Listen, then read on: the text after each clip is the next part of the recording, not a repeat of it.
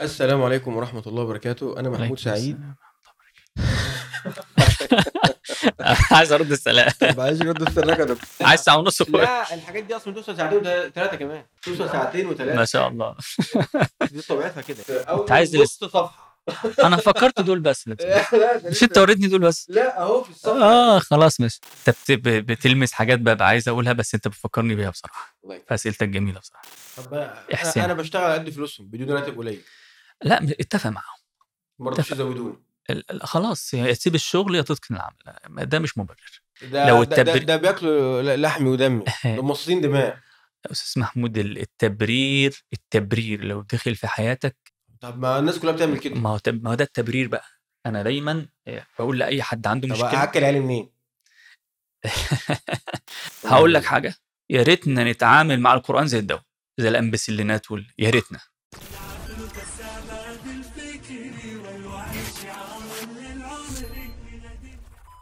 السلام عليكم ورحمة الله وبركاته. أنا محمود سعيد وده بودكاست حكاية بنستضيف فيه كل أسبوع شخصية مميزة ونعرف حكايتها إيه. ضيفنا النهاردة الدكتور علاء نحلة شخصية مميزة جدا آه، ما شاء الله ناجح في حياته الدعوية وناجح في حياته العملية. وإن شاء الله يقول لنا الحكاية بتاعته إيه من الأول للآخر. أهلا وسهلا بك يا دكتور علاء. أهلا بك أنا سعيد بوجودي بينكم يعني ربنا يحفظك ويبارك فيك. يا رب. إحنا أسعد. نورنا دكتور. ده نورك. الله يبارك. عايزين نتعرف بقى بحضرتك والحكاية بتاعت حضرتك سريعا كده. هو أنا اسمي علاء نحلة مواليد 89 آه، قرية متواضعة اسمها محلة مرحوم آه، مدينة طنطا محافظة الغربية طبعا مصر الحبيب يعني ربنا يحفظها يا رب. في موضوع مثلا آه، الناس لينا بموضوع النجاح وال سواء الدعوي أو سواء الدنيوي آه، أنا في البداية عايز أنسب الفضل لربنا سبحانه وتعالى. فالله يعني الله عز وجل هو الذي من بالفضل كله يعني. آه، أوليتني نعما أبوح بشكرها وكفيتني كل الأمور بأسرها. فلا أشكر إيه الكلام الكبير؟ لا مش كبير ده أنا ف... فلا أشكرنك ما حييت وإن أمت فلا تشكرنك عظومي في قبرها. إحنا بس بيت شعر كده بمتثل بين باب شكر ربنا سبحانه وتعالى. آه، آه، عاوز أقول آه، الله عز وجل يقول ولكن الله حبب إليكم الإيمان. وزينه في قلوبكم وكره إليكم الكفر والفسوق والعصيان. آه، الإنسان لما يلاقي نفسه في طريق آه، طريق ربنا وطريق كويس هو ربنا زين له الطريق ده في قلبه. طبعا أنت ليه مثلا ما بت بتسمع الأذان بتحب اللي أنت تصليه؟ لا هي مش منك هي من ربنا سبحانه وتعالى. ربنا حبب لك الحاجة دي فأنت إيه شايفها اللي هي حلوة فبتسعى اليها اللي مثلا بتحب مثلا آه، تعمل خير؟ ربنا زينه لك ليه بتكره مثلا تشرب مثلا دخان؟ ليه بتكره الزنا؟ ليه؟ ان ربنا كرهه لك. ف آه، أما تنسب الفضل لربنا سبحانه وتعالى هو ده الحقيقي. الله عز وجل بيحافظ لك على النعمة. وفي الحاجة التانية بايه إيه، بيرفعك. هو في البداية إيه، اللي أنا عايز يعني أوضح حاجة إن أنا إنسان طبيعي يعني. في ناس ممكن تنظر للإنسان اللي هو مثلا داعية أو كده. ده والله مش تواضع خالص ولا هضم للذات. لكن طبيعة المسلم اللي هو مثلا ممكن يقرأ عن دينه واللي هو يتدين ويدل الناس على ربنا سبحانه وتعالى. لكن تقدر تقول إن إحنا مثلا في زمن غربة إيه، فزمن الغربة الناس بعيدة عن ربنا سبحانه وتعالى نوعا ما أو مش بتدي للدين اهتماماتها أو مثلا الحياة اللي بعد الموت الحياة الآخرة اهتماماتها. فممكن تنظر لأي حد اللي هو طبيعي اللي هو إيه فوق الطبيعي شوية. إيه، دي برضو نقطة حبيت أوضحها. إيه، مش مش لحاجة لا لسهولة سلوك الطريق يعني. إحنا أنا ناشئ في بيت متدين. إيه، بصراحة يعني لو أنت بتقول مثلا إيه، إيه السبب الحقيقي هقول لك آه، يعني أبويا كان بيأكلنا من حلال ودي كان بيتحرى الحلال جدا جدا جدا. آه بصراحة يعني دي نقطة. إيه يعني شوف النبي صلى الله عليه وسلم بيقول اطب مطعمك تكن مستجاب الدعوة. إيه يعني إطابة المطعم كون ال- ال- ال- الولي الأمر بيتحرى أكل الحلال لاولاده دي البذرة اللي ممكن تطلع يعني شجرة تفرع في كل أفرع الخير فعلا بجد. الله. الوالدة كانت متدينة وكنا بصراحة بنروح الكتاب من صغرنا. يعني أنا ممكن ما أفتكرش الابتدائي مدرسة ابتدائية بس أفتكر اللي أنا كنت بروح الكتاب معقول؟ آه يعني مثلا آه، ال- الابتدائي باخ... المدارس بناخد أجازة الكتاب ما بناخدش أجازة. ما شاء الله. آه، هو أجازة الجمعة بس آه، أو مثلا يوم في الأسبوع كمان. وخلاص. والفلكة طبعا. الإيه؟ آه. طبعا أنا ليا تحفظ على طريقة الكتاب و... وطبعا مدح ليها كبيرة جدا لأن الموضوع ده فعلا بيطلع ناس وبيطلع رجالة و... آه، طريقة الكتاب وحفظ القرآن بالأخص آه، دي مش طريقة صحيحة تماما. آه، يعني أنا بعد ما كبرت دلوقتي هقول يعني خلي ابنك يحب القرآن حتى لو ما حفظوش. ولما يكبر هيحفظه. ما تحفظش ابنك القرآن وتخليه يكرهه أو تخليه تحس اللي هو العقوبة بتاعته. أما يكبر مش هيهتم بيه. ودي كانت واضحة جدا. يعني مثلا في الكتاب كان معانا ناس كتير. في ناس دلوقتي مهتمية بالقرآن وبتحفظ وإن كانوا قلة. وفي ناس لأ خلاص مع إن ده حفظ وده حفظ وممكن ده يكون كفاءته في الحفظ أعلى. إيه، لكن طريقة التربية وطريقة القهر في موضوع الحفظ هي خلت الإيه؟ النتيجة. فأنا أفتكر الكتاب. وعاوز أقول لك القرآن بركة. وهو بيبارك أي حد يتصل بيه بأي وجه كان سواء كان قراءة حفظ تدبر تفسير يعني طول ما أنت بتتصل بكتاب الله طول ما أنت فيك جزء من البركة. فأنا أفتكر الكتاب منذ نشأته والوالدة كانت حريصة جدا جدا على الموضوع ده وكانت يعني بالمناسبة متدينة بالفطرة. ما كانش الأول زمان قوي يعني ما كنا صغيرين في الأيام الابتدائية وكده الدروس والعلم وطبعا ما كانش بقى في الفضائيات ولا كان في حتى التليفون المحمول إلا يعني بالنادر يعني. فأنا افتكر الكتاب. كنت بروح الكتاب طول حياتي لحد يعني ما الابتدائية والإعدادية والثانوية لحد بقى ما شاء الله. ما شاء الله يعني. فدي كانت التربية وكنت عادي إنسان طبيعي. ولكن سبحان الله ربنا يعني حببني في الدين. ما شاء الله. حببني في الدين. فبدأت أحضر بعض دروس العلم. كل الدين ده على فكرة الدين سهل وجميل وبيوافق نور الفطرة. ربنا لما قال نور على نور فعلا أنت لما بتتصل بيه بتحس اللي هو بيوافق حاجة مريحة جواك فبيريحك أكتر. وعلى فكرة استمتاع. الناس مفكرة مثلا الداعية أو مثلا العالم اللي هو قعد بقى وحافظك. آه طبعا وأكيد في ناس درجاتهم علي أنا بتكلم لا أنا على مستواي مثلا أنا كل اتصالي بالعلم الشرعي قراءات عشان تبقوا عارفين يعني. الناس وعلى فكرة مش من نوع الحفيظ اللي بقرأ بحفظ البتاع لكن الدين سهل. وأنت تتمتع بيه يعني. طبعا بقى جت الثانوية وما أدراك ما الثانوية. كان عندنا أيامينا تانية وتالتة يعني. فكنت جبت في تانية مجموع قليل بعدين تالتة جبرتها فدخلت كلية صيدلة. دي بقى كانت الفتحة الكبيرة اللي من ربنا سبحانه وتعالى كانت كليتي في الصعيد في بني سويف يا لطيف. لا ده يا لطيف. هو لطف فعلا اللي أنا رحت هناك. أنا أقصد بعيد أنت آه. طنطا والصعيد مسافة بعيدة قوي ما هي الغربة دي على فكرة نوع من الصفاء وفيها يعني معاني مش موجودة في العادية. تمام. يعني كان الإمام الشافعي يقول لك إيه؟ والكحل نوع من الأحجار تنظره مرمي على الطرق. يعني أصلا الكحل اللي بيتحط في العين ده حجارة متكسرة مرمية على الطرق كده. يقول لك لما تغرب حاز الفضل أجمعه فصار يحمل بين الجفن والحدق. يعني لما نقلوه من مكانه ده ده قيمته ارتفعت بقى يحطوه في العيون. فالغربة دي طبعا هي جت بقدر الله. مش بنقول مع إن في بعض العلماء يقول لك أنت تتغرب على أساس لا لكن هي فيها معاني كتيرة جدا. فالغربة بتعمل مشاعر. فأنت بتحن لأهلك وبتاع فالمشاعر دي بتخليك إيه, تدينا بيبقى أقوى يعني وكده. زي مثلا المريض. المريض بيبقى مكسور فبيبقى قريب من ربنا. موضوع الغربة ده فرق كتير في موضوع العلم الشرعي وموضوع ضغط ضغط الدراسة. واحد يقول لي إزاي تجمع بين الدراسة وال أنتوا عارفين ان كل الصيدلة كلية عملية. وفيها سكاشن وفيها عملي وفيها كلية تقيلة يعني. والحمد لله كنت برضو أنا جايب جيد جدا مع مرتبة الشرف كل السنين الحمد لله. ما شاء الله.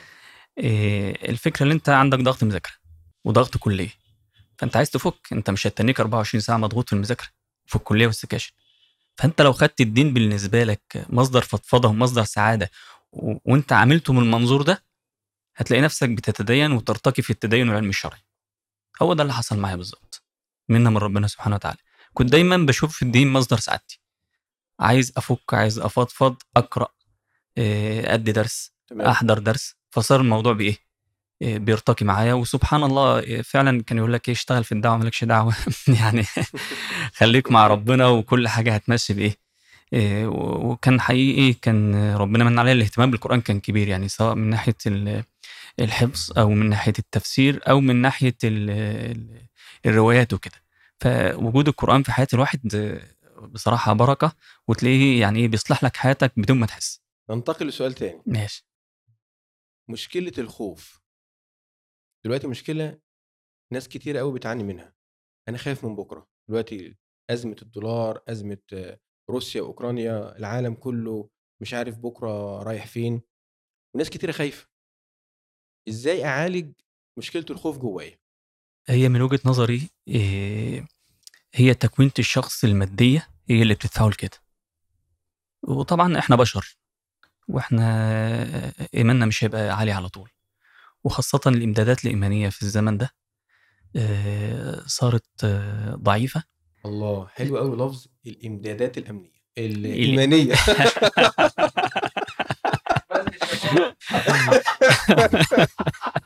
إيه، آه، على فكرة حتى لو الإمدادات الإيمانية قوية في شواغل بتعمل لك بطري له على طول كنت لسه قاعد مع الشباب بقول له أنت لو أنت واخد جرعة إيمانية قوية جدا آه، لو أنت بقى قريب من ربنا ومحافظ فعلا يعني إيه راجل بقى بتقوم قبل الفجر وتقوم الليل وتصلي الفجر وتقول الأذكار و...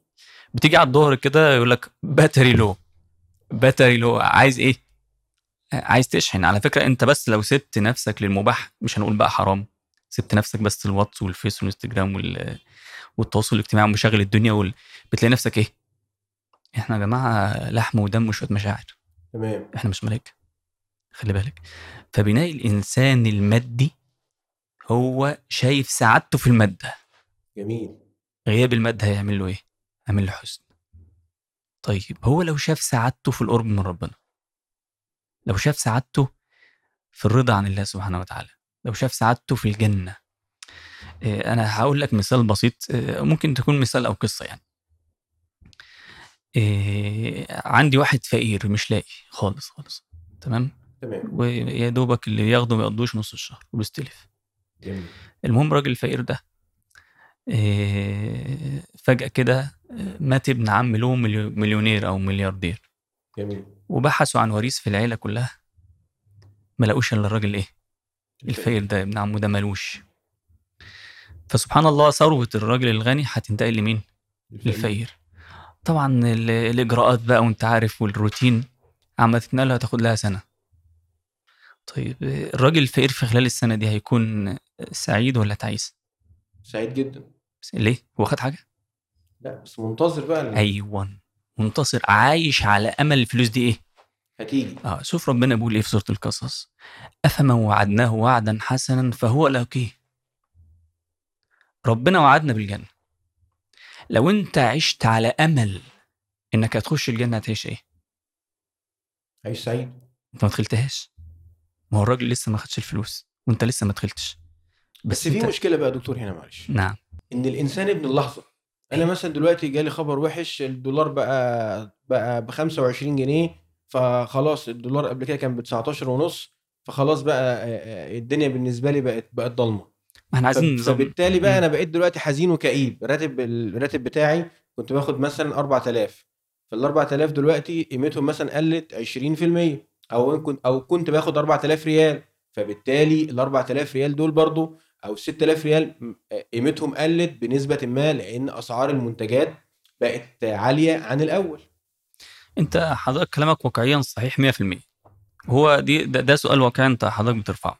إحنا بنتكلم بقى إزاي نغير الواقع ده؟ جميل. إزاي لما الدولار ارتفع أنا ما أزعلش. إزاي لما الأسعار ترفع أنا إيه؟ ما أزعلش. فإحنا محتاجين نشتغل على حاجتين في البداية. الحاجة الأولانية نغير نفسية البني آدم اللي بيستقبل الاخبار وبيستقبل الحياة.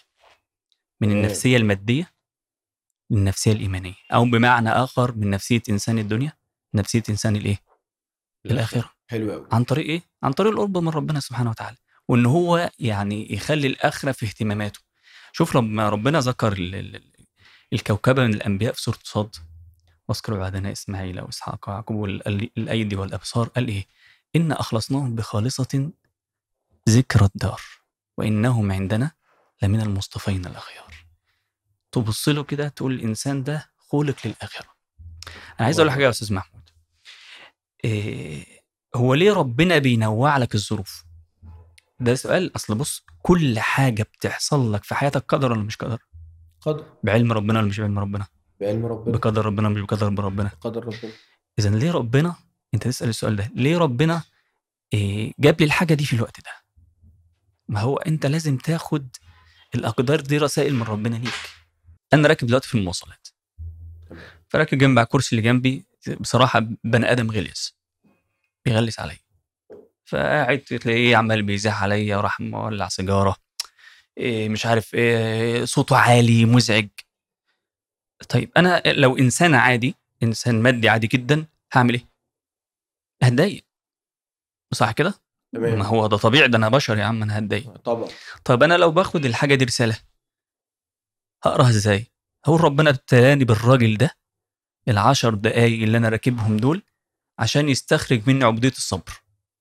جميل هيشوفني هصبر ولا إيه؟ ولا لأ ولا لأ؟ تمام كده؟ مش معنى كده إن أنا بصحح أفعال مين؟ الناس الناس ده تمام كده؟ أما أقول مثلا في مثلا الأسعار ارتفعت مش معنى كده بقول ارتفاع الأسعار صح أو. انخفاض الأسعار لأ مش بتكلم في النقطة دي بتكلم إزاي تتعامل مع الإيه؟ مع الموقف ده طيب ما أنا كنت عايش أيام حلوة مثلا يعني مم. دلوقتي عشت أيام إيه؟ أيام أقل فربنا بيختبرني بين الصبر والإيه؟ والشكر. لو أنا تعاملت مع أي ظروف بالنفسية دي بعيدا عن تبرير الأفعال جميل. الخاطئة. أنا مش ببرر الأفعال الخاطئة لا أنا بكلمك عن أنا إنسان. طب واحد يقول لي أنا أنا أوصل النفسيه دي إزاي؟ نفسية الإيمان بقى تبدأ واحدة واحدة. تبدأ بقى إيه؟ تقرب من الإيمانيات تقبل على كتاب ربنا تبدأ تحسن في الصلاة بتاعتك تحسن في الذكر تشكر ربنا كتير تصل الرحم. تشوف إيه اللي ناقصك إيه الفجوات اللي عندك في الجانب الأخروي وت إيه.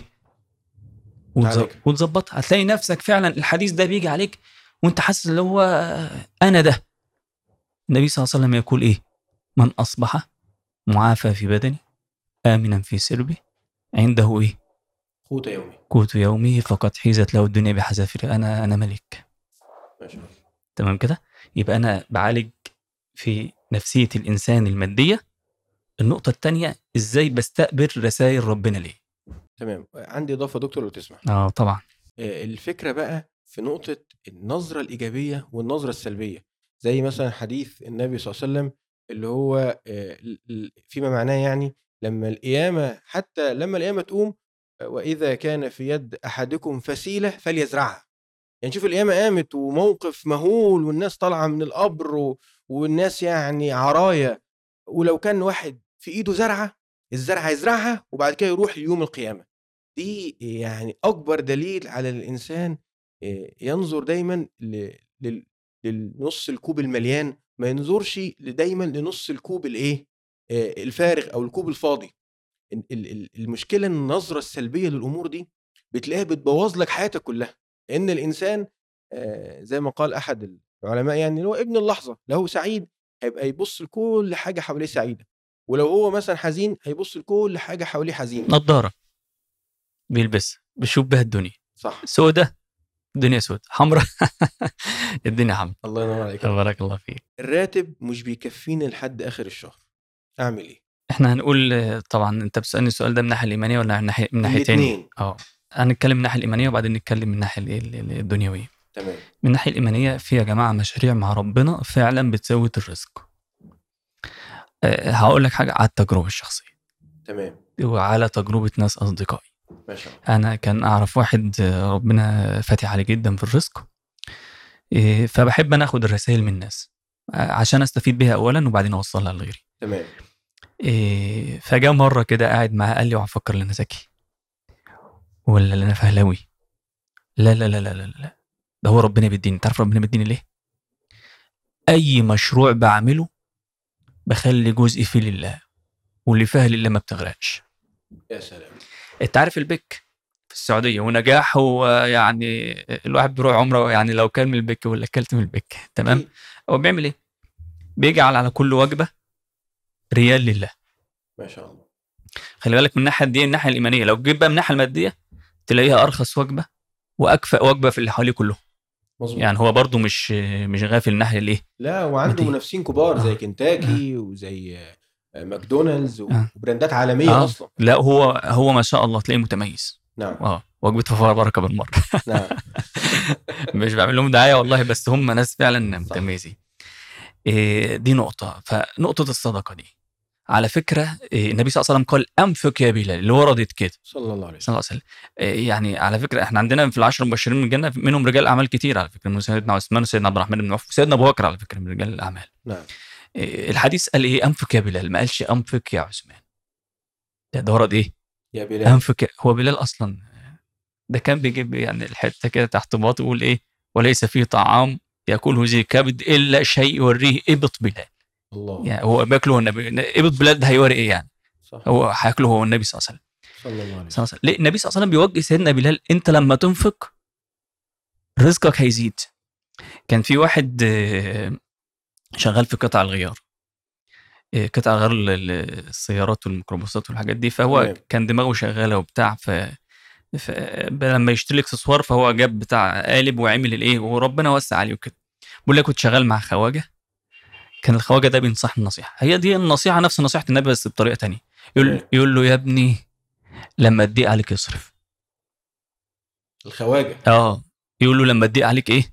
اصرف أعرف واحد في شركة صاحب شركة كبيرة جدا في مصر قلتها كل يعرفها بس إيه بلاش نقولها. إيه ساعة لما كان يحس لو يخسر يقول لك عين لي 100 موظف. ما شاء الله. 100 موظف. 100 موظف. هو شركة كبيرة جدا يعني. الله أكبر. وكان إيه، ما يلفش الشهر إلا لما يربح. الله أكبر. 100 موظف 100 موظف خلي بالك. اللي هو عارف هو عارف لما هيفتح بيوت الناس وهيتصدق وهيوسع الناس ولما كانت دي كان يزود المرتبات. الله. وناجح إلى النهارده من سنين. خلي بالك من النقطة دي. فده باب رزق وبعدين باب رزق وباب إيمان. يعني أنا مثق وأنفق. وفي قصص كتير في ناس كانت مش لاقية خالص. وسرها كانت بتحط حصاله على التسريحة بالبلدي خالص وكان بيحط كل يوم. جنيه اتنين جنيه اللي معاه يحط كل يوم عملا بحديث النبي صلى الله عليه وسلم ما من يوم يصبح فيه العباد إلا وملكان ينزلان فيقول أحدهما اللهم اعطي منفقا خلفا ويقول الآخر اللهم اعطي ممسكا تلفا. فكان يقول أنا هحط صدقة الصبح عشان تصيبني دعوة الملكين وأصابته دعوة الملكين وربنا وسع عليه. الله أكبر. لأن أنت عارف هي الموضوع في فكرة. أنت عارف يعني إيه فكرة؟ يعني أنت ممكن تبقى من أغنى رجل في العالم بإيه؟ يعني مثلا تبص واحد زي إيلون ماسك كده وموضوع النت والأقمار الصناعية و... ودلوقتي بيتحكم في حرب روسيا وأوكرانيا بموضوع الإنترنت والطيارات المسيرة ويروحوا يتردوا عشان يفتح لهم المجال اللي ما فيهوش إنترنت في الأماكن المتنازع عليه. إيه هو إيه فكرة الأقمار الصناعية؟ ده ربنا بيديله إيه؟ فكرة. فكرة. ربنا يديك فكرة تعيش ملي- مالتي ملياردير طول حياتك بإيه؟ بفكرة. لما أنت لما تطرق بابه. ده من أبواب باب من أبواب زيادة الرزق. من أبواب زيادة عايز كمان ولا لسه؟ إحنا عايزين بقى نتكلم في الحلول إحنا دلوقتي اتكلمنا في الحلول الشرعية. ده لسه في حلول شرعية كتير. هو طيب، منها مثلا ممكن- الاستغفار والصلاة على النبي صلى الله عليه وسلم صلى الله عليه وسلم. والتحري الحلال. في حاجات كتير يعني بتزود الرزق بطريقة ملموسة. ممكن نقولهم موجزا بس. عناوين وبعدين نتكلم عن الحاجات العملية الاستغفار. الرزق المدرار مع الاستغفار. الله. في كل حاجة. ويمددكم يمددكم يعني يزودكم بإيه؟ بأموال وبنين. ويجعل لكم جنات. سيدنا هود قال لهم إيه؟ ويزيدكم قوة إلى قوتكم. يدي قوة عقلية قوة بدنية. أنا بنصح ناس ضعيفة ذهنيا أقول استغفر. في ناس كانت بتنسى ما بقتش تنسى. حاجات كتير. ثقة. أنت بص أي حاجة تيجي لك من الوحي خدها بثقة ما ترجعش خدها بثقة وطبقها. تمام. الصلاة على النبي صلى الله عليه وسلم. صلى الله عليه وسلم. تحري الحلال حاجات كتير صلة الرحم. أنا أعرف واحد من القصص يعني اللي اللهم بارك هو أصلا كان شغال عند ناس وربنا فتح عليه هو مميز في صلة الرحم. لما. يلاقي الدنيا ضاقت عليه يشوف مثلا أنو خالة ما ظهرهاش أنو مش عارف إيه بيروح ب... صلة الرحم. النبي صلى الله عليه وسلم يقول من أراد أن ينسى له في أسره وإيه؟ ويبسط له في رزق في إيه؟ فليصل رحم نعم. الفكرة في اليقين في التعامل. ما تقولش بقى إحنا نجيب اليقين ده منين؟ لا. أنت مسلم عندك يقين في الله. أي باب هتطرق عليه بيقين هي إيه؟ هيوصلك. وما تقولش أنا أجيب اليقين منين؟ أنت مسلم تقدر تبقى عندك يقين في الله سبحانه وتعالى. إحنا ما عندناش كهنوت. ما عندناش طبقية في الدين. ما عندناش إن الحاجة دي للعلماء مثلا بس أو لا. ما عندناش الكلام ده. جميل. عندنا قاعدة بتقول إن أكرمكم عند الله اتقاكم. والتقوى دي مش بفلوس ولا مثلا ربنا قصرها على نسب معين أو حاجة. لا لا لا. تمام؟ لا فرق بين عربي وأعجمي إلا بالتقوى والعمل الصالح. آه تمام. دي بالنسبة لأسباب الإيه؟ الدنيا. طب بالنسبة للأسباب المادية عاوز أقول لك ل- لربنا له سنن كونية ثابتة ما بتتغيرش. على المسلم والكافر وكله. من السنن دي مثلا من باب ضرب المثال إن الحديد صلب. يعني إيه الحديد صلب؟ الحديد صلب سنة كونية. يعني ما يجيش مثلا بعد 100 سنة الحديد ده بقى إيه؟ سائل لو الحديد بقى سائل مش هيبقى في حياة على وجه الأرض. كل البيوت دي هتتهد وكل الحاجات دي إيه؟ فربنا من سنته الكونية الحاجة الثابتة اللي هو مثبت الإيه؟ الحاجة دي. تمام. ربنا من سننه الكونية اللي بيأخذ بأسباب النجاح. حلو. ربنا بيعطي له النجاح حتى لو كان كافر. وادل مثال على الغرب. وبقول لك الغرب ناجحين ليه مثلا؟ أو مثلا الدول الكافرة مثلا ناجحة ليه؟ هي بتاخد بأسباب الإيه؟ النجاح. بياخد بأسباب النجاح. الله عز وجل يقول من كان يريد الإيه؟ العاجلة عجلنا له فيها ما نشاء لمن نريد. ثم جعلنا له جهنم يصلاها مذموما مدحورا. ومن أراد الآخرة وسعى لها سعيها وهو مؤمن فأولئك كان سعيهم مشكورا. بعدين قال إيه؟ كلا نمد هؤلاء وهؤلاء. نعم. يعني اللي بياخد بالدنيا هياخد واللي بياخد بالآخرة إيه؟ هياخد. هياخد. أنا كل حاجة لها بابها. أنا دلوقتي مرتبي ناقص. خلاص هبدأ أفكر. أنا إزاي أزود الدخل بتاعي؟ وإزاي أقلل المصاريف بتاعتي؟ عشان أقدر أتواكب مع الإيه؟ مع الواقع. طيب أنا دلوقتي راجل موظف. طيب ما أنا أشوف لي شغلانة تانية. المشكلة مش عيب. أشوف لي مشروع معين تاني مثلا. أبدأ أنجح فيه وأبدأ أطلع فيه واحدة واحدة. والله ربنا يكرمك. يا جماعة ديننا دين حركة. تمام. ديننا دين إيه؟ حركة. حركة. والناس بتوع زمان قالوا حركة بركة والكلام ده صح. نعم. إن المسلم متحرك الله عز وجل قال وجعلنا له نورا يمشي به في الناس. ما خدش الدين وسكت. ده خد الدين وإيه؟ ومشي. وبدأ ينور للناس. ديننا دين حركة. والله واللي بينه وبيجتهد ربنا بإيه؟ بيديله. بيديله. أنت ما تبقاش مثلا أنا مرتبي ما يكفيش ما انت أنت بتشتغل قد إيه؟ ما ترفع كفاءة شغلك. مثلا. شوف شوف الأسباب. الماديه أنا ما أعرفش شغلك ده إيه؟ شوف شوف أسباب النجاح في شغلك إيه؟ اشتغل شغلانة تانية لو تقدر تشتغل شغلانة تانية. فكر. فكر ممكن تغير نشاط ممكن تعمل كذا وتبدأ تكبر واحدة واحدة والله ربنا هيكرمك. جميل. حتة بقى إيه الجزئيه التانيه اللي حضرتك ذكرتها نقطة الاستهلاك. ما أنا دلوقتي خلاص أنا دلوقتي كان راتبي خمسة شفت شغلانة تانية بقى راتبي عشرة. العشرة دلوقتي ما بقوش يكفوني. إن الحاجة اللي كنت بجيبها زمان بخمسة دلوقتي بقت بعشرة. فمحتاج إن أنا أغير استهلاكي. إزاي بقى أغير استهلاكي؟ طبعا أنا م- النصايح دي هي بترجع آه، لنصايح شخصية حسب حاله كل واحد. آه، وبعض الناس بتاخد النصايح دي طب أنت كده بتضايق علينا لا أنا مش بضايق عليك أنا أخوك و- وفي نفسي أشوفك سعيد. النبي صلى الله عليه وسلم قال إيه؟ صلى الله من عليه أحب الأعمال إلى الله سرور تدخله إيه؟ على قلب مسلم. على مسلم. يعني مثلا لو جيت بقول لك بتجيب كيلو لحمة ما تجيب كيلو إلا ربع وإن شاء الله ببركة ربنا هيقضي مكان الكيلو ما تفهمش كده إن أنا بقى إيه ب- بعاقبك يعني. لا ده أنا عايز الدنيا إيه؟ عايز الدنيا تمشي معاك. لو قلت لك مثلا إن ولادك في مدارس خاصة بيصرفوا كذا أنت ممكن تشوف بديل وتبدا تعمل ستريس ضغط معاهم شوية في المذاكرة وبتاع وبتعوض المصاريف دي والبساط والبتاع. ما أنت إيه؟ إيه، لو أنت أبسط من كده إيه، في ناس أبسط من كده خالص يعني. مش بقى مش في مش في دماغ المدارس الخاصة. هو أصلا الكلام ده أصلا مش في إيه، مش مش موجود. آه مش موجود في حياته لأن هو حياته أبسط من كده. تمام. إيه، انت ممكن بقى تفكر في في زيادة الدخل نفسه يعني. هل هتغير نشاطك؟ هل مثلا هترفع كفاءتك؟ هل مثلا والله والدعاء هتوصل؟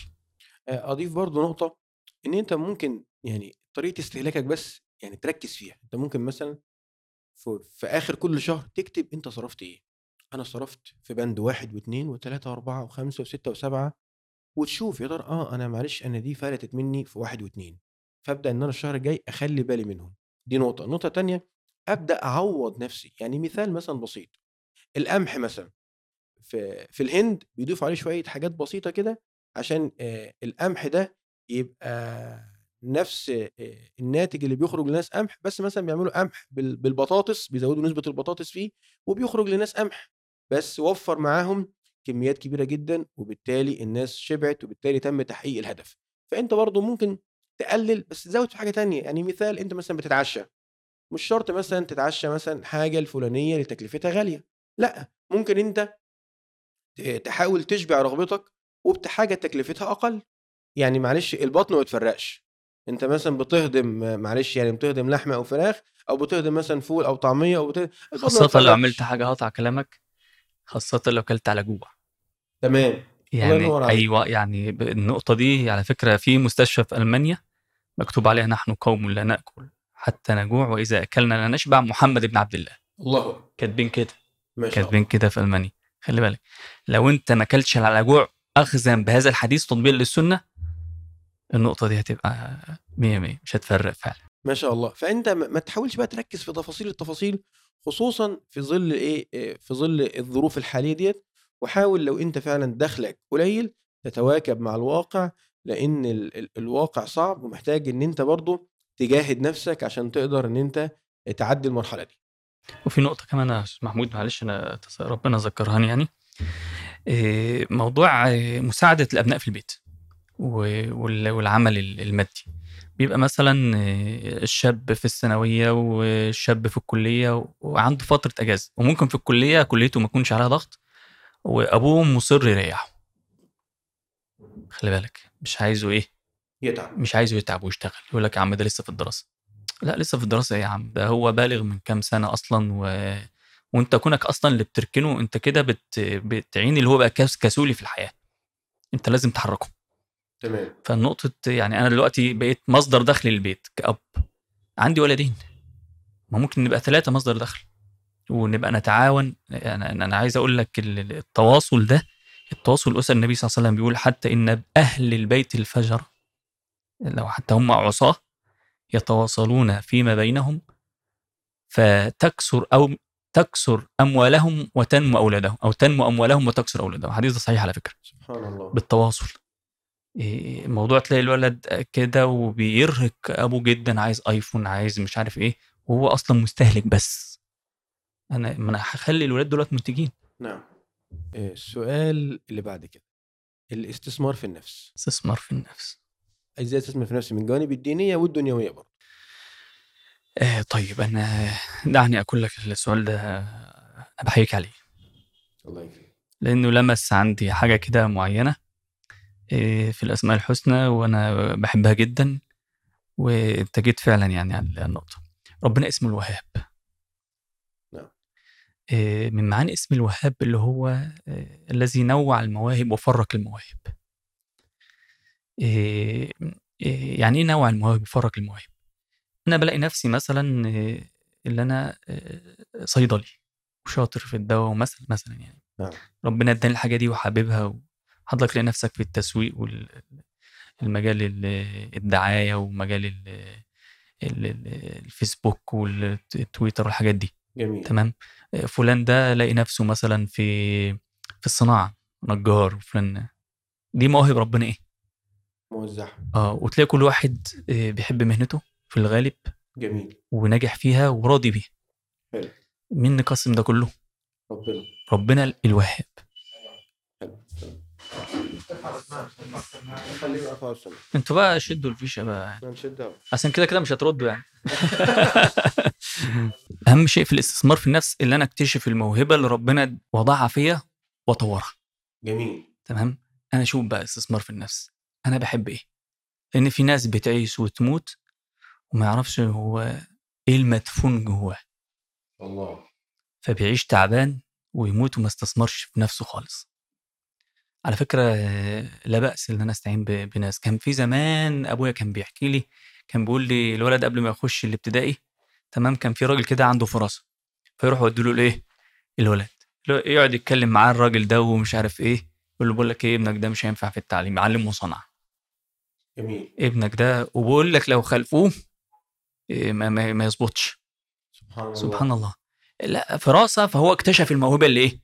اللي جواه. اللي جواه. فأنا أكتشف الموهبه إيه الموهبة اللي جوايا؟ أنا بحب كذا آخد رأي أصحاب آخد رأي الناس الأمناء إيه، أهل الخبرة أروح أقعد مع واحد استشاري نفسي. آه، ده أنا بكذا كذا. ما فيش مشكلة طالما العلم اتطور. وأشوف الموهبة اللي ربنا اداها لي وأنميها. ده أحسن استثمار في النفس. بدل لما تعمل على عكس رغباتك وعكس إمكانياتك فتلاقي الفشل حليفك. السؤال الثاني ماشي. السؤال الثاني ولا الخامس؟ ماشي.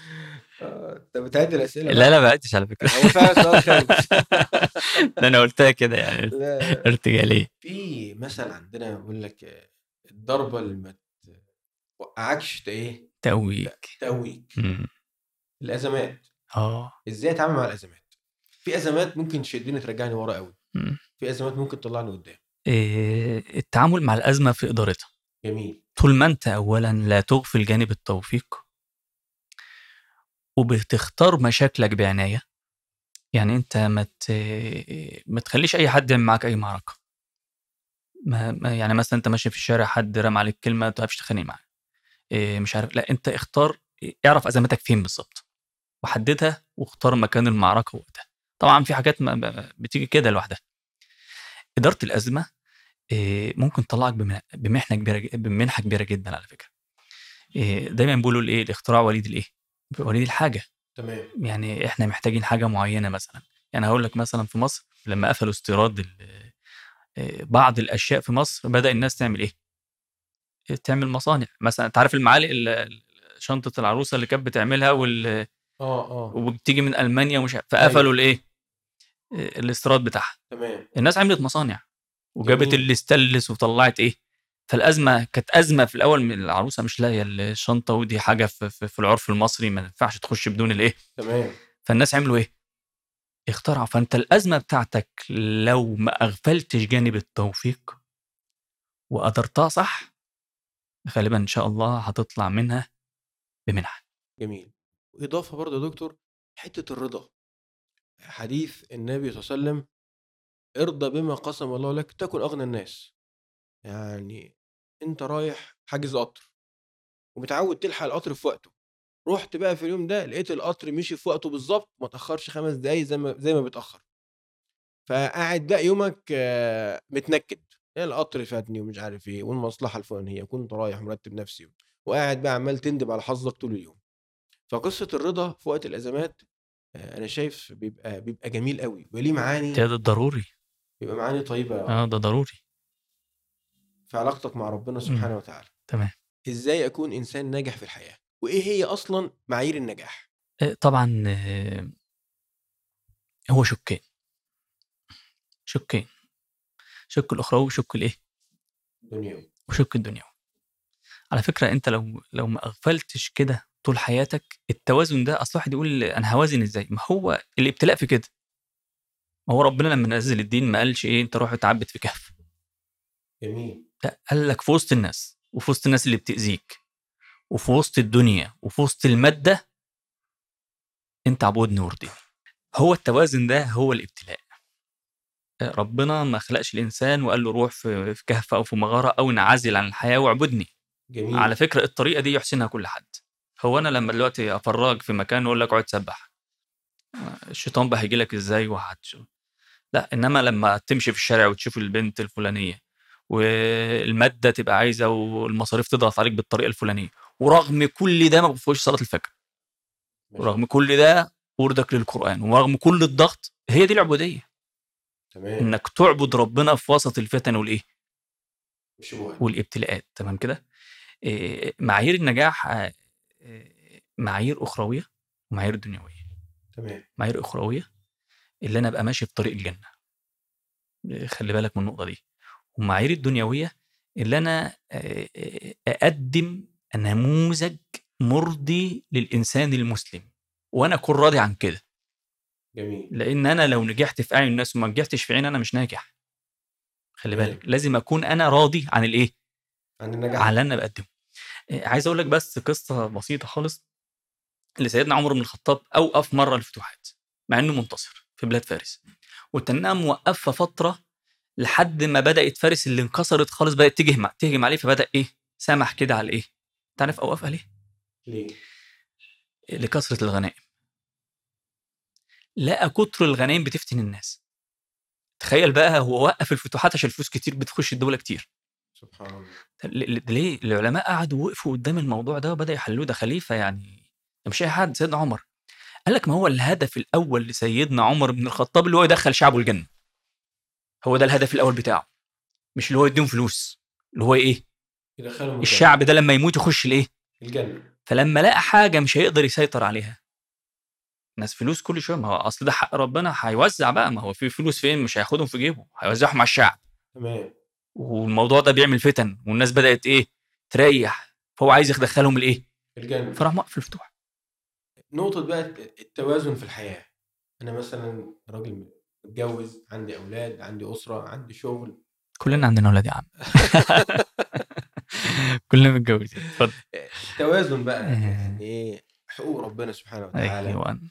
حقوق بيتي حقوق شغلي حقوق صحابي حقوق عيلتي. أنا بحكي على الأسئلة كلها بس السؤال ده بحكي بزيادة شوية. أنت بتلمس حاجات ببقى عايز أقولها بس أنت بتفكرني بيها بصراحة. فأسئلتك جميلة بصراحة. إيه عايز أقول يعني من وجهة نظري المتواضعة ونقول المجربة سواء بقى معايا أو مع الناس موضوع الأوراد. نعم. موضوع الأوراد. إيه الأوراد؟ إيه إيه الورد؟ التزام بشيء ثابت ثابت لا يقطع ابدا ولا يخضع للظروف ولو جت ظروف طارئة شديدة بتقضيه في اليوم التالي. نعم. لو مشيت علاقتك بينك وبين ربنا أوراد آه، الأزمة دي هتتحل. على فكرة والورد ده أنت بتعمله غير اللي ربنا فرضه عليك أنت بتختاره. أنت اللي يعني ناس دلوقتي الصلاة خلاص هو ربنا فرضها ما ينفعش إيه؟ أنا بنظم وقتي عليها مش بنظم إيه؟ الصلاة على وقتي. حلو. خلي بالك في حاجات لأ أنا هنظم شغلي عليها مش هنظمها على شغلي. جميل. لا الاوراد أنا ممكن أنظمها على شغلي. تمام. يعني أنا مثلا بشتغل مثلا من الساعة 6 الصبح لحد مثلا الساعة 5 المغرب. خلاص؟ تمام. فأنا الوقت ده مش هعرف أعمل فيه حاجة. وفي ناس بتعرف تعمل في شغلها. جميل. طبيعه طبيعة شغلها ممكن يبقى قاعد في مكان مثلا مستني زباين فممكن في الوقت ده ممكن يقرأ حاجة ممكن يقرأ قرآن ممكن آه، ده, ده لأ أنا بقول للناس بقى اللي هي شغلها إيه آه، في اسوء الظروف متواصل. تمام. خلاص أنا عندي شغلي هنظبط وردي. هظبط وردي إزاي؟ آه، بص يعني كان آه، في العلامة الشيخ محمد إسماعيل كان بيقول كلمة جميلة قوي كان بيقول آه، آه، ورد المسلم في يوم ورد القرآن يعني زي خانة الإسلام في البطاقة ما تسيبهاش يعني. إيه، ما ينفعش إنك تسيبها خالص. واليوم اللي بيعدي من غير ورد ما تحسبوش من يومك. خلي بالك. أنا دلوقتي موضوع ورد القرآن ده ما ينفعش إيه، أنا مش بقول يعني حرام لأ بقول ما ينفعش يكون مسلم بيرجو رحمة ربنا وعايز الدار الآخرة وما بيقرأش قرآن كل يوم. تمام. إيه، هيخسر كتير بصراحة يخسر كتير أنا مش بقول عليه حاجة بس هو إيه يقول ربنا يا رب يعافينا ويعافي المسلمين ويرزقنا وإياكم يعني. فهبدأ بورد أنت عارف إيه، لو هتبدأ ب... ب... ب... ب... بوجه يعني إيه، أو بصفحة وش وظهر تمام هثبتها وهرفعها هرفعها لحد إمتى؟ هرفعها لحد درجة أنا أرتضيها وأحس. إن دي هتنفعني في آخرتي.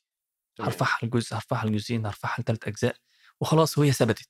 وعلى فكرة أنا عاوز أقول لك إيه- إيه يعني القرآن القرآن. ما زاحم شيئا إلا بارك طبعا القرآن ده هيبقى ليه آه يعني طبعا. آه، جزء خاص لوحده بما ان حضرتك ده تخصصك. فإن شاء الله هنرجعه للجزء بتاعه. آه. فأنا بقول مثلا ورد القرآن آه خلاص أنا حافظت عليه. تمام كده؟ آه أنا مثلا عندي قرايبي كلهم كام؟ طلعوا 25 واحد. خلاص هقسمهم مع الشهر. تمام. في ناس بتر... بترضى قوي ما بكلمها في التليفون وهو أصلا ما بيحبش حد يزوره قوي كتير. حلو. فأنا حاصل بالتليفون. تمام. إيه، في واحد لأ ده ست دي تيتا دي لازم أروح لها وبتاع خلاص أنا هروح لها إيه مثلا يوم الجمعة مثلا كل مثلا جمعتين أو كل ثلاثة أو كل شهر مثلا حسب إيه، بطريقة اللي هو ده يبقى معروف اللي ده هو ده صله الرحم. نعم. خلاص أنا هقسم رحمي وه... وهزورهم كلهم. لأن أنت تمام. ما ينفعش أنت تخلي حياتك كلها منهكة في الشغل وفي في حاجات معينة وتلاقي نفسك على فكرة الحاجات دي بتدي توازن نفسي رهيب وبتدي راحة نفسية على فكرة الله. وبتدي سعادة. الله. إيه، قيام الليل مثلا لو إحنا هنقول مش هنقول بقى ليه في الأعلى عادي النبي صلى الله عليه وسلم بيقول من قام بعشر آيات لم يكتب من الغافلين. جميل. إيه المانع اما أقوم قبل الفجر؟ هو أنا مثلا لو الفجر بيدن الساعة 5 وقمت 5 إلا ربع ربع ساعة دي هتهز الفسيولوجية بتاعتي؟ مش هتعمل حاجة. بس الربع ساعة دي اللي أنا هكون فيها الليل دي إيه، هتعمل لي حاجة كبيرة جدا في حياتي. حلو. إضافة بقى يعني مثلا سيدنا أبو بكر ما كانش بيقوم قبل الفجر كان بيصلي قبل ما ينام. يعني على حسب قدراتك. آه صح. أنت ممكن أنت تصلي قبل ما تنام. طبيعة يعني شغلك. آه. أقلها حتى ركعتين وركعة. ركعتين وبعدين ركعة وتر. فأنت كده إيه يعني تم حسابك من الناس القائمين ما تعديش. ليلة لما تاخد منها نصيب. نعم. سيدنا أبو هريرة كان فعلا بي بيذاكر العلم فالنبي صلى الله عليه وسلم كان بيوصيه هو اللي بيوصيه النبي بيقول له اوصانا رسول الله خليل صلى الله عليه وسلم بثلاث أن اوتر قبل أن أنام. ليه؟ لأنه كان بيسهر في المذاكر بيذاكر الحديث بيحفظ. ما شاء الله. فهو لو نام وأخري هيقوم على الفجر. فبقول لا أنت أنت توتر قبل ما تنام. ما شاء الله. إحنا اتكلمنا دلوقتي على التوازن في جانب علاقتك آه موضوع بقى موضوع الأسرة. وموضوع الإيه؟ ال- الرحم صلة ال- الرحم. آه الأسرة بقى. بس عندي إضافة بس في آه. الرحم لو تسمح. اتفضل. يعني النبي صلى الله عليه وسلم قال بلوا أرحامكم ولو بالسلام. آه. آه اللي هو إيه يعني أنت حتى لو مش هتعرف مثلا تزور عمك أو خالك أو خالتك أو عمتك اتصال تليفوني. آه، إزيك عمتي؟ ألف. سلام عليك ربنا ربنا يتم شفاك على خير. معلش أنا في سفر بس بعيد عنك بس ما يكونش. الأصل وكله كده. تمام. آه تمام. أنا بس عارف آه. لما لا أنت صح. كلامك صح. لما أنت بتدي الإنسان فرصة وتقول له في حد أدنى وحد أقصى مم. يبقى هو عارف حتى إن هو لو في سفر أو مسافر أو مش هيقدر أو حتى مثلا متضايق من عمه اللي. كان ورثه حتى اتصل بيه هو كان ورثك وعمل معاك اللي ما يتعملش. بس عمك برضه. صح. وفي ناس بترتضي كده على فكرة رحم هو ما فيش مشاكل. هو بيرتضي بكده اللي أنت اتكلمت في التليفون بيرتضي هو صح. و- و- يعني تمت صلته بهذه الطريقة يعني. تمام. ما ينفعش مثلا يبقى خالك ولا عمك مات أنت ما تروحش العزاء بتاعه. دي حاجات بتبقى بتبقى صعبة قوي ليه؟ أنت هيجي لك يوم هيجي لك يوم من قريبك أو مامتك أو باباك يموتوا. بعد كده هتشوف بقى أنت رصيدك إيه. ما هو رصيدك هيبان. مين اللي هيجي؟ مين اللي هيجي عزاك؟ مين اللي هيجي عزا آه، أقرب الناس ليك؟ اللي أنت كنت بتروح لهم قبل كده وتهتم بيه. صحيح صحيح. موضوع الأسرة بقى إحنا كلنا هذا الرجل المثقل بالجراح. ال- والأبناء الجلوس مع الأبناء عدم جلوس الوالد مع الأبناء دي كارثة. نعم. وإحنا مقصرين بصراحة خلي بالك. إيه لازم تجلس مع أولادك. بجد. ولو بقى طبيعة الجلسة ووقتها بس أنت لازم تحط الكلام ده في دماغك ويبقى أشياء ثابتة في حياتك. إنك تقعد مع أولادك وتسمع منهم وتعمل معاهم حوار وتشوف رغباتهم إيه وطلباتهم إيه وتبدأ تعمل توازن. محدش هيربي ولادك زيك. نعم. لا المدرسة ولا الوالد آه، طبعا الوالد عليها دور طبعا لكن أنت أنت كأب محدش هيربي ولادك زيك. عموما إحنا ننصح يعني بمعاملة الزوجة معاملة طيبة لأن ده بينعكس على الأبناء وبنعكس بالك. عليك أنت كمان. بينعكس عليك أنت كمان. وبقول لك يعني ولا بلاش. إيه، والحوار الجيد في البيت الحوار الجيد في البيت على فكرة أغلب آه، فشل البيوت إما آه، بغياب الحوار أو الحوار الغير جيد. نعم. طول ما في حوار بينك وبين زوجتك وبينك وبين أبنائك حتى لو صغار طول ما بيتك ناجح. تمام. ال- الحوار هيثمر وهيكسر حواجز وهيصلح ظنون وأفهام آه، خاطئة بطريقة كبيرة جدا وهيبقى آه، لبنة في الإصلاح. تمام. آه، حاجة برضو بسيطة في موضوع الزوجة وكده.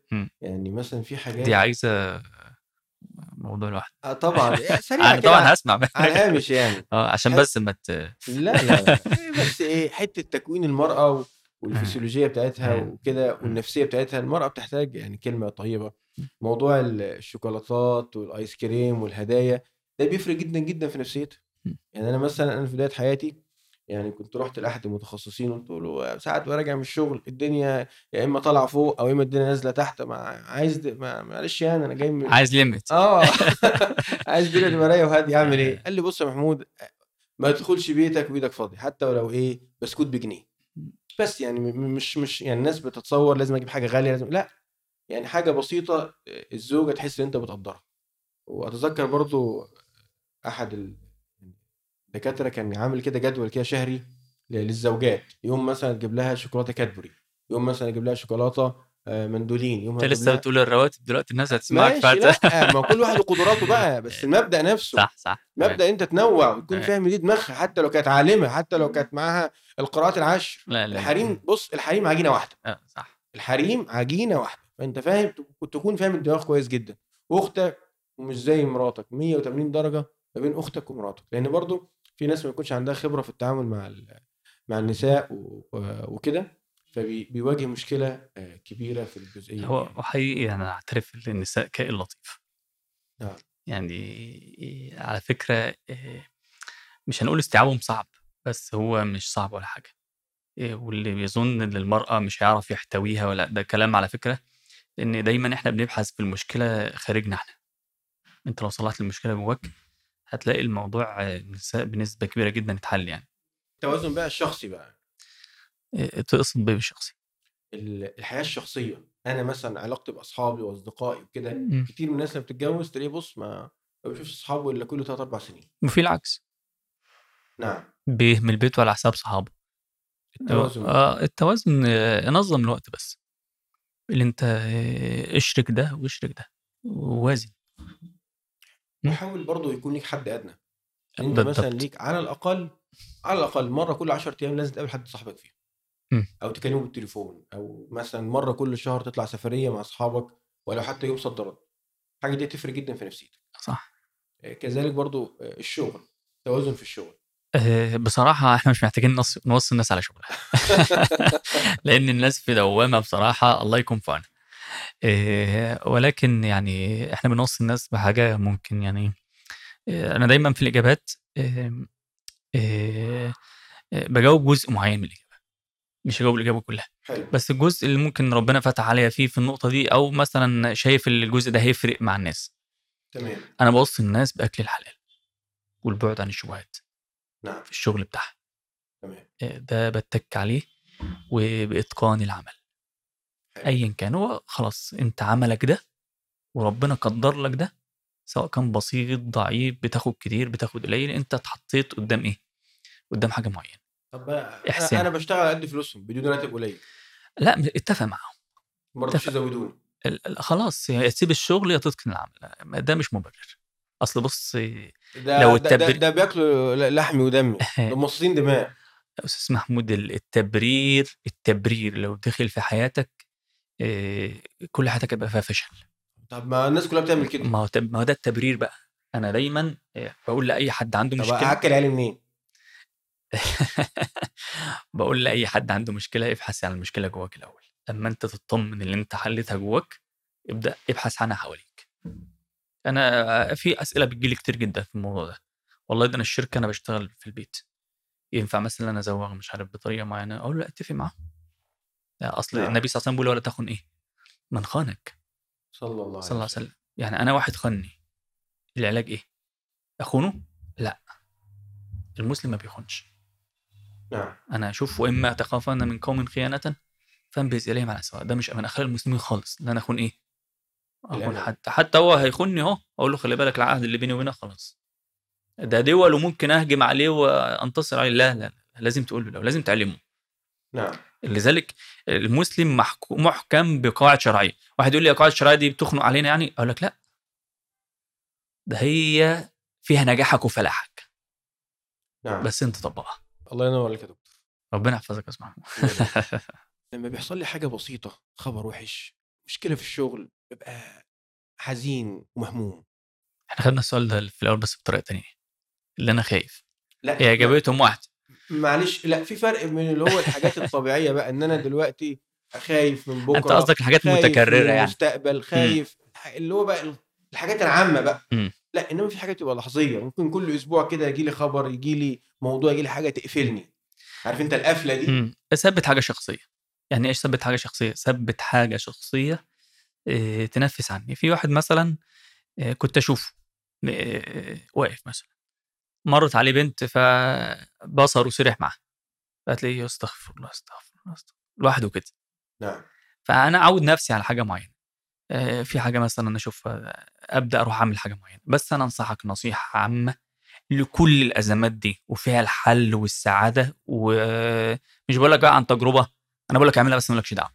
كان النبي صلى الله عليه وسلم إذا حزبه أمر فزع إلى الصلاة. صلى الله عليه وسلم. صلى الله عليه روح صلّي. نعم. أي حاجة تحصل لك صلّي لك ركعتين.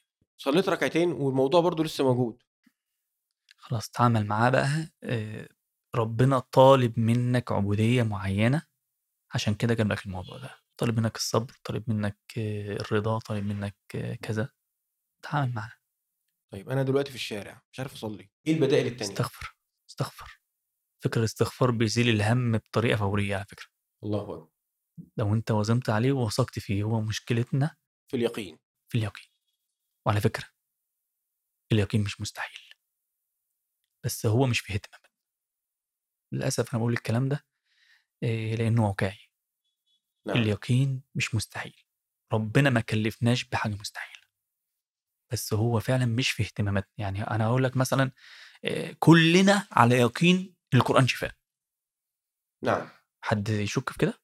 حد يشك في كده؟ لا. وننزل من القرآن ما هو شفاء. تمام؟ وسورة الفاتحة والأحاديث والناس كلها عارفة نعم. مسلمين طب ليه يا ابني لما ابنك بيجي له دور سخونية ما بتروحش تقرأ عليه الفاتحة؟ مش في اهتماماتنا. مش في ثقافتي الحياتية اللي أنا أستخدم القرآن في الشفاء. ف يعني نأمل أو نأمل إن الجلسة دي إيه، تبقى بداية لكده. تمام. إيه، لإدخال الحاجات دي في حياتنا فعلا. وجرب. يا دكتور ده الدكتور الفلاني ايده فيها الشفاء. أول ما بيجي لي برد بروح له يكتب لي الدواء على طول. أنا ما قلتش الدكتور الفلاني مش في- مش في إيده الشفاء بس ربنا جعل القرآن شفاء وجعل برضو الدواء التجريبي شفاء. خلي بالك. نعم. طبعا مفيش مقارنة. بس أنا بقول لك الأخذ في القرآن كشفاء أنا يقيني في مين؟ في ربنا. في ربنا.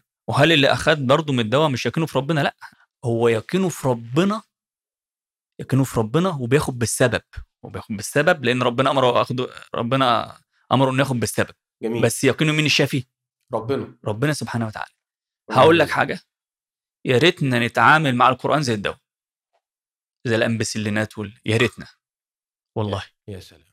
يعني بص أنا لما يجي لي رشح بروح أجيب كونجستالا وبجيب أي دواء للبرد. يا ريت لما يجي لي رشح برضه زي ما أنا بعمل كده أعمل إيه؟ أقرأ المعوذات. النبي صلى الله عليه وسلم كان يشتاق إذا اشتكى إنسان نفس عليه بالمعوذات. حديث صحيح. صلى الله عليه وسلم. معوذات. كل اعوذ برب الفلق كل اعوذ برب الناس. يعني إيه نفث عليه بقى دكتور؟ النفس اللي هو يقرأ إيه، وينفخ برذاذ خفيف. طب مثال عملي كده. يعني مثلا النبي صلى الله عليه وسلم كان بينفس على نفسه مثلا قبل النوم صلى الله عليه وسلم. أنا عايزك تعرف الناس الطريقة. آه يعني مثلا أقرأ المعوذات بسم الله الرحمن الرحيم. كل كل اعوذ برب الفلق لحد الآخر. كل اعوذ برب الناس. تمام؟ ماشي. ممكن أنفخ كده وأمسح. كان النبي صلى الله عليه وسلم بيعمل كده. تمام. تمام كده؟ قبل قبل النوم. نعم. ال- الهوى اللي فيه القرآن ده بالرذاذ ده ده له تأثير في الإنسان. سبحان الله. في النفس. هو من شر النفاثات. يمين نفسات. نفسات جمع نفاسه إن والنفاسه المرأة الساحرة اللي بتنفس في عقد الخيوط. إن نعم. السحر عقد عبارة عن عقد. بتروح عقد العقدة وبتنفس بالطلاسم. هي بتتكلم كلام اللي هو كلام السحر بترضي بالجن بتستجلب ملوك ب- بطريقة السحر مع الرذاذ الإيه؟ الخفيف اللي بيطلع مع الطلاسم فتقوم تأثر إذا أراد الله. تمام. ده اسمه النفس. نعم. اللي هو فوق النفخ في اللغة العربية فوق النفخ ودون التفل. جميل. يعني بين الهوى وبين إن إيه الإنسان يدفل يعني. حلو. طب يا دكتور موضوع بقى إيه؟ الأعمال والحسد والحاجات دي. أول حاجة إيه الفرق بين العمل والحسد؟ تاني حاجة طرق العلاج. آه، طيب ده, ده آه، بما إن حضرتك يعني كنت راقي لفترة كبيرة. ده بلاش كده أنت كده هتهاجم الناس علينا. هو يعني موضوع را كده يعني الأصل كل مسلم يرقي نفسه وكده. آه، بس إحنا كنا ما. ما بنصدش باب حد يعني. آه، ما ما بنصدش حد ما يقصد بابنا يعني. نعم. آه، في النقطة دي. لكن الأصل اللي أنت ترقي نفسك وتعتمد على نفسك يبقى عندك مناعة إيمانية اللي أنت تقاوم ال- الموضوع ده بنفسك يعني. نعم. م- مش بقى إنسان متخصص وكده. وإن كان لا يمانع يعني. إيه، هنقول بقى الفرق بين ال- ال- الحسد والسحر والمس يعني. تمام؟ إيه، المس ده بيجي بدون ساحر. بيجي بدون ساحر اللي هو ال- الجن بيتلبس بالإنسان. وربنا ذكر ده في القرآن قال الذي يتخبطه الشيطان من المس ورد في بعض الإيه؟ الأحاديث اللي امرأة اتت بصبي لها فالنبي صلى الله عليه وسلم قال أخرج عدو الله إني رسول الله. إيه، فده ده ثابت بالقرآن والسنة وبالتجربة عشان بس الناس اللي الناس اللي بتنكر يعني. إيه طب الشيطان يخش في الإنسان ليه؟ لأنه شيطان. يعني مش محتاجة يعني اللي إيه تبرير. هو شيطان وعايز يأذي الإنسان وشايفك آه، إن الشيطان لكم إيه؟ عدو. المشكلة فينا إحنا فاتخذوه عدو إن إحنا مش عارفين إيه. نتخذوا عدو هو هو بيفكر اللي هو يغمك بيفكر إنما النجو من الشيطان ليحزن الذين آمنوا. يعني. هو ما يشوفك زعلان بيبقى إيه؟ بيبقى فرحان. تمام. فده طبيعي الإنسان الشيطان عايز يخش في الإنسان. طب هو يخش في أي إنسان كده؟ لا طبعا. اولا بقدر الله. ثانيا بيبقى له طرق في دخول الإنسان. هو ما يعرفش يخش في الإنسان. إيه، حتى مثلا لو هو جن عاشق جن عاشق مثلا واحد بيحب واحدة أو أو العكس واحدة بتحب إنسان إلا فترات ضعف الإنسان. يخش في الغضب الشديد والشهوة الشديدة والغفلة الشديدة والحزن الشديد والخوف الشديد. نعم. خلي بالك. لذلك تلاقي واحدة مثلا كانت لابسها جن مثلا. ليه؟ كانت زعلانة فترة طويلة وقعدت بتعيط ومش عارف إيه و... و... ف... ف... فداخل فيها. مثلا الشهوة السيدة إنسانة مثلا بت... بت... بت... بتخلع ملابسها وترقص في قدام المرآة وال... فهو ممكن الإنسان يخش فيها مثلا أو في الحمام مثلا. إيه، أو بيكون له سبب. بيكون له سبب زي إيه؟ زي العشق. ده طبعا بيبقى في النساء أكثر خاصة النساء اللي هي بتتحرر كتير. تمام؟ بتبقى قاعدة مش مش لابسة وبتهتم بنفسها وفي يعني حاجات أكتر من كده بكتير ال- ال- البنات بتعملها ويعني ربنا يتوب علينا وعليهم. وده بتسبب في حاجات بعد كده يعني. آمين. إيه، أو بسبب مثلا ممكن واحد ما خدش باله فكب مية سخنة في الحمام. إيه، تمام. بدون ما يسمي الله. بدون ما يسمي ربنا سبحانه وتعالى. الإنسان طالما أخذ بالأذكار والأسباب الشرعية النبي صلى الله عليه وسلم قال عليها الحاجات دي بيبقى بينه وبينها حاجز. نعم. إنسان مثلا آه، أتى الحية بدون ما يعزم عليها اللي هي تخرج مثلا زي اللي حصل مع الصحابي. لما أتى الحية والجن قتله وثبت في الحديث الصحيح. ده, ده أسباب. يعني معلش يعني إيه بدون ما يعزم على الحقيقة؟ عشان لو حد مش فاهم. يعني مثلا أنا دخلت البيت بتاعي لقيت ثعبان أو لقيت حية. تمام. فأنا بعزم عليها. آه، ثلاث أيام ثلاث أيام. آه، بقول لها عزمت عليك بالله إنك تخرجي. ولا نعم. توزي أحد. يوم واثنين وإيه؟ وثلاثه وثلاثه بعد كده ألاقيها آه، خلاص. قتلها آه هقتلها مفيش إنما لو مشكله قتلتها من الأول؟ قتلتها من الأول حدث كده مع صحابي فقتلها بحربة. بحرب يعني سيف صغير يعني. فهو لسه في نفس الموقف الحربه راحت مقلوب عليه فقتلته. نعم. الجن الموجود قتله نعم. تمام؟ فالنبي صلى الله عليه وسلم قال يعني إن في المدينة إخوانكم من الجن من رأى منكم شيئا فليعزم عليه ثلاثا فإن رؤي بعد ذلك فإيه؟ فليقتلوه فإنما هو شيطان. يعزم عليه ثلاثة يعني يقول له ثلاث أيام. ثلاث أيام. لأن في ناس بتتصور إنها ثلاث مرات آه. تقول له آه عزمت عليك ثلاثا اللي هو هي- هقول له ثلاث مرات مم. ولو ما استجابش الرابعة مخلص عليه. لا. في نفس اللحظة. آه يعزم عليه ثلاث أيام. نعم. طبعا في واحد يقول لي طب أنا هصبر إزاي؟ هستحمل إزاي؟ آه، طبعا مش عايزين نقول قصص الناس عشان برضو دي أسرار آه، واقعية يعني. نعم. يعني داخل لا حاجة زي كده واتاذى لا مش يعني إيه أنت خد الحديث بإيه؟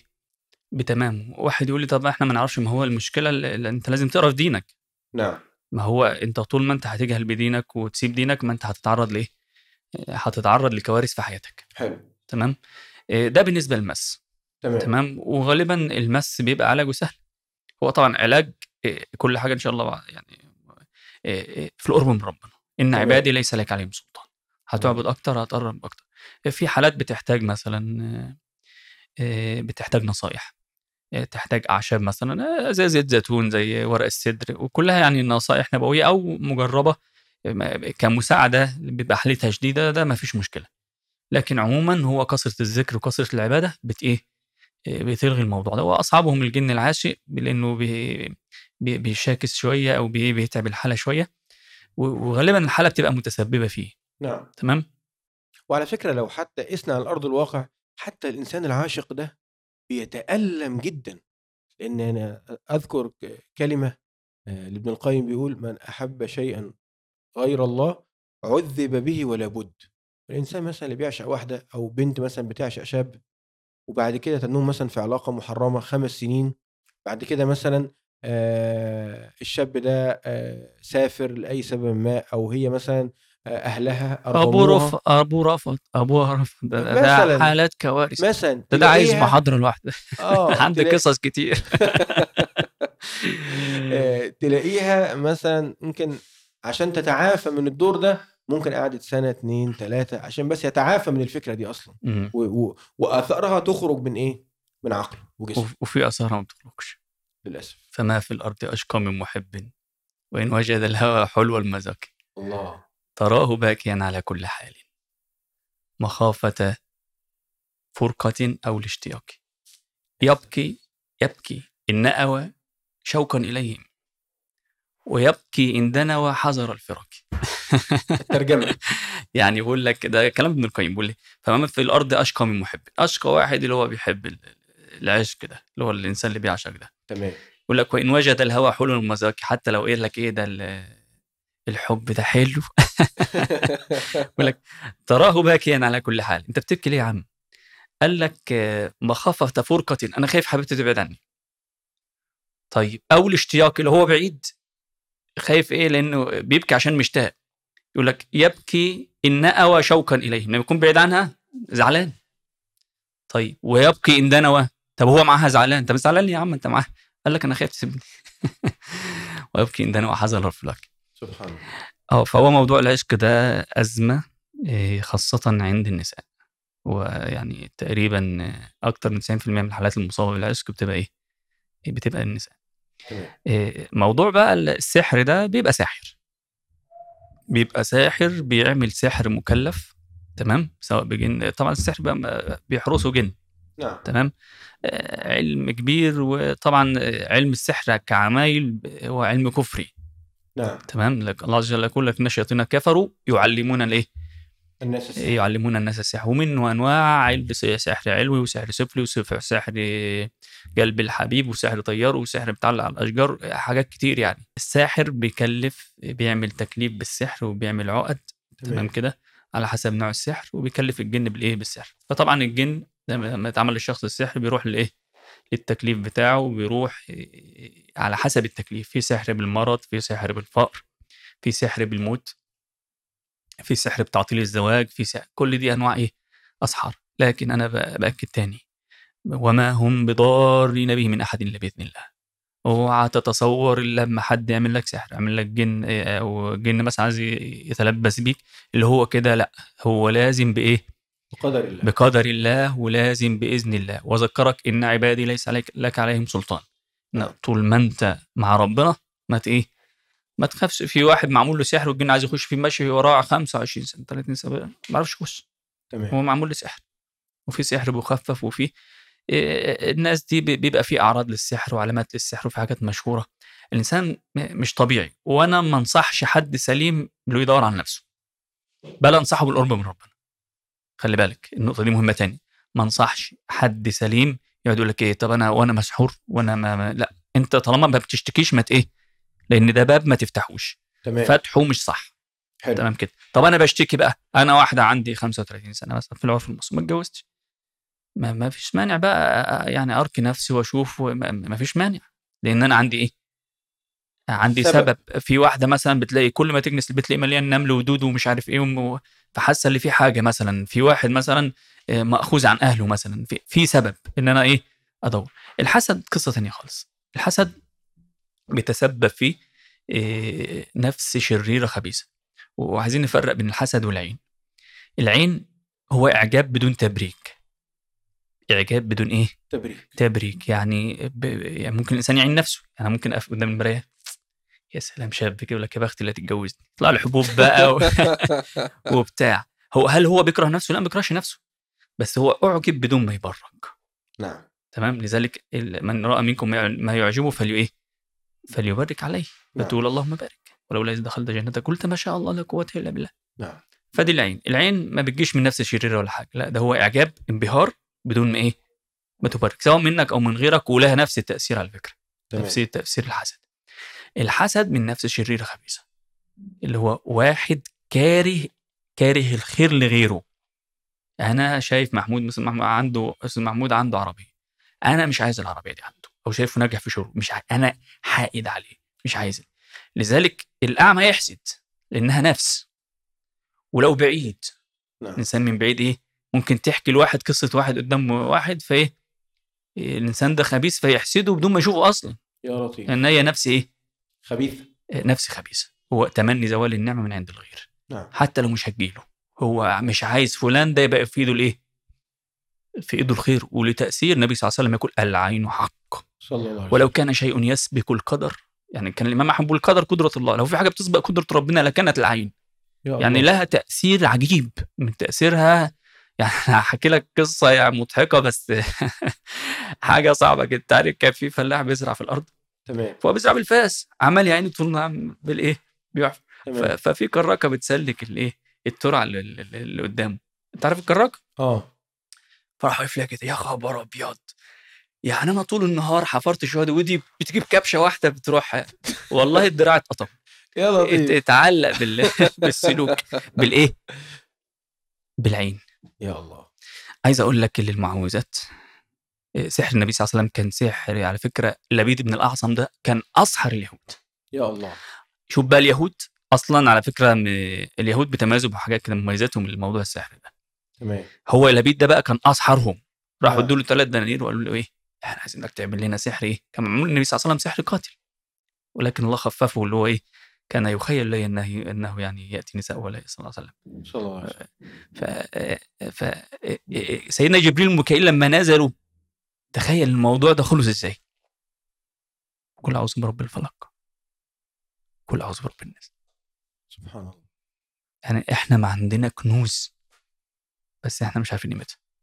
نعم. أنا بنصح المشاهدين بقى يرجعوا لتفسير المعوذات. موجودين على التليجرام على فكرة. أنا وياك القرآن يا دكتور. تمام. أنا في حاجز بيني وبين القرآن. مش عارف أقرأ قرآن. مش عارف أكسر الحاجز بيني وبين القرآن. طيب أنا هنصح نصيحة واحدة وأنا أنصح المستمع ياخدها يعني سواء بقى يعني كان كبير يبقى أنا أخوه الصغير أو العكس خدها كده وطبقها والحاجز ده يتكسر فورا ابدأ بس. ابدأ افتح المصحف وابدا اقرا بقول لك بما أنه لا يوجد وقت مثالي للبدء فابدأ الآن. يا سلام. بما أنه لا يوجد وقت مثالي للبدء فابدا الآن. لو أنت منتظر تبدأ اللي هيجي لك وقت مثالي تبدأ فيه مش هتلاقي. خلاص فابدأ دلوقتي. ابدأ. إيه، في واحدة كانت بعت لنا سؤال فبتقول أنا مش عارفه أصلي. فقلنا لها طيب لو إيه، قلنا لك نصيحة وهتخليك تصلي هتسمعي كلامنا؟ قالت آه. آه. قلت لها إحنا بعد العشاء دلوقتي صح؟ قالت قلت لهم ما صليش قومي دلوقتي صليش فبدأت وبدأت تصلي خلاص وواظبت على الصلاة. ما شاء الله. فهي عشان طبعا الكلام كتير والنصايح كتيرة بس أنا آه، ربنا وفقني النصيحة دي. بقول لك ابدأ دلوقتي. تمام. أنت بتسمعني ومفتح المصحف. الحاجز اتكسر يا باشا. واظب بقى. طيب أنا دلوقتي بدأت بقرأ القرآن مش فاهم. عايز أتدبر بقى. إزاي أتدبر آيات كتاب الله؟ طيب هو موضوع التدبر ده مش موضوع هو موضوع عظيم. بس هو مش مستحيل برضه شأنه شأن أي عمل القلوب خلي بالك. لكن هو مش في اهتماماتنا. خلي بالك مش في تمام. اهتماماتنا. أنا هدي مثال بسيط يلخص الموضوع. حلو. إيه دلوقتي إيه إيه لو أنت دخلت مسجد في رمضان مثلا فبتلاقي الناس كلها بتقرأ إيه؟ قرآن. جميل. لو رحت تسال سؤال عشوائي كده إيه كله يا جماعة يوقف. ما يبصش في المصحف تاني. حضرتك استفدت إيه؟ استفدت إيه؟ استفدت إيه؟ أغلبهم مش هيردوا. أغلبهم مش إيه؟ مش هيرد هو أصلا مش في دماغه أصلا هو استفاد إيه ولا الكلام ده. تمام.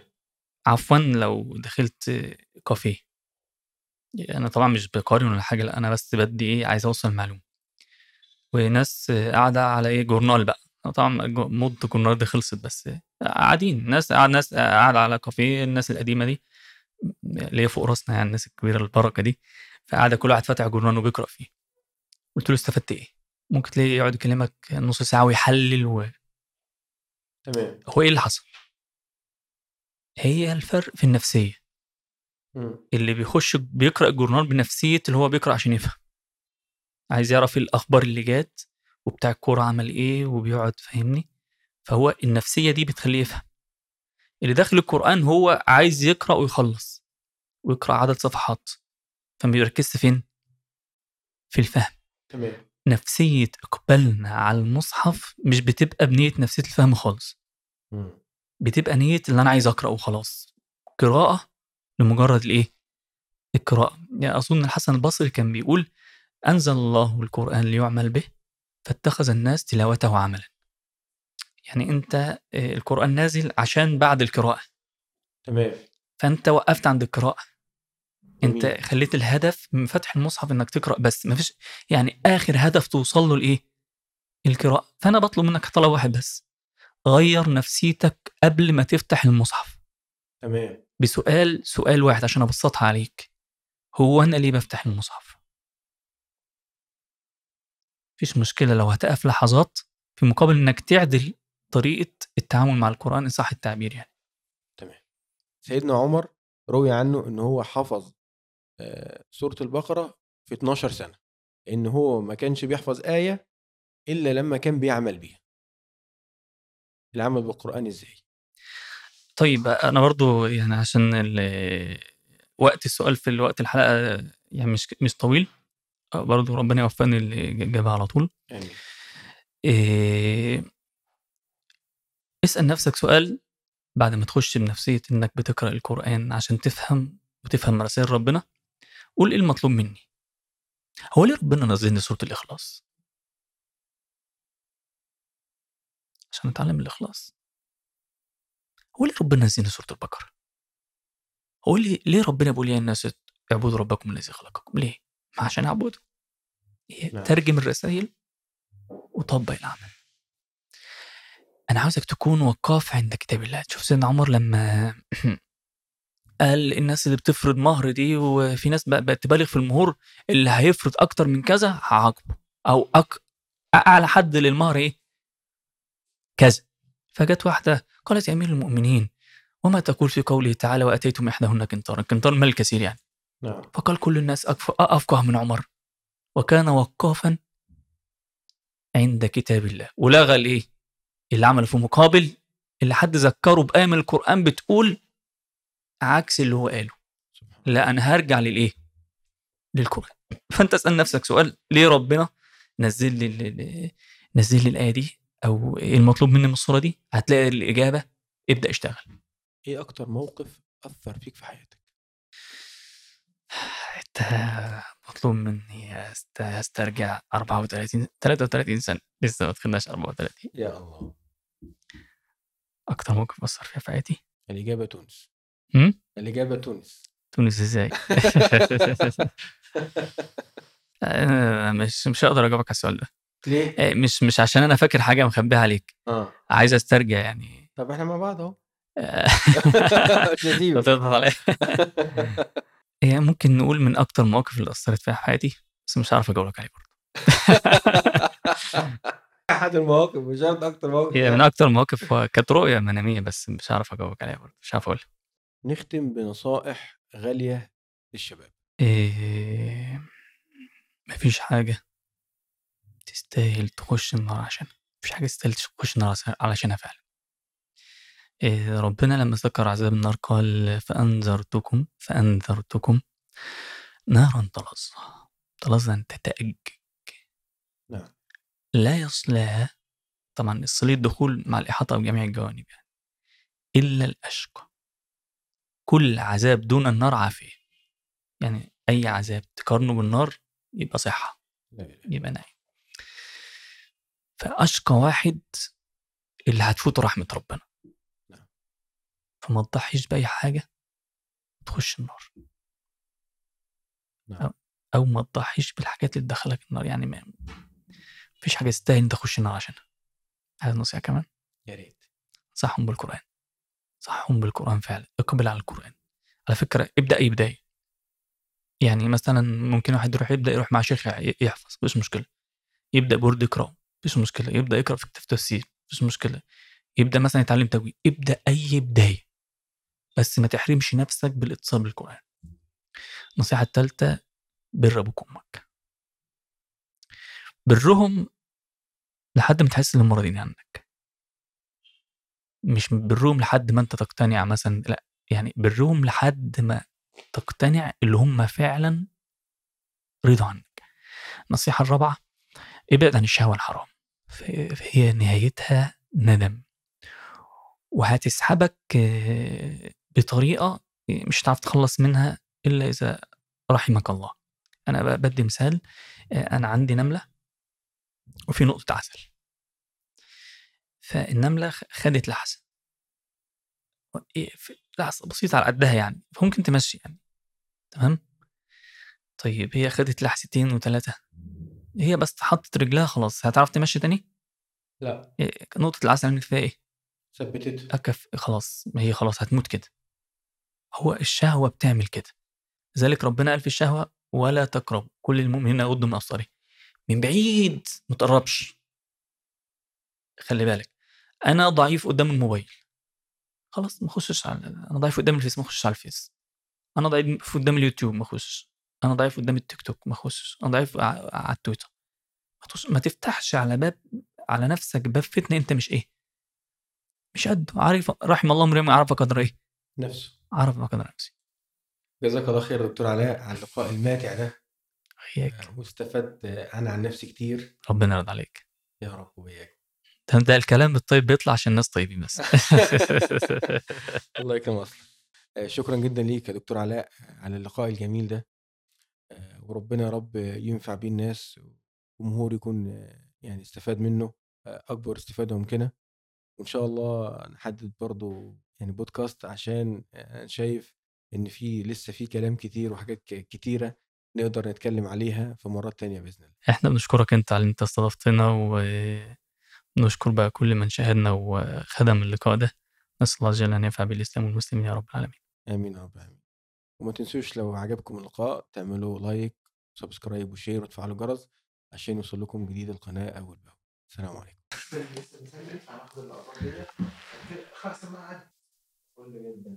لرؤى نوقظها أمجادا ونرسخ بالعلم عمادا لنحقق للوطن حياة.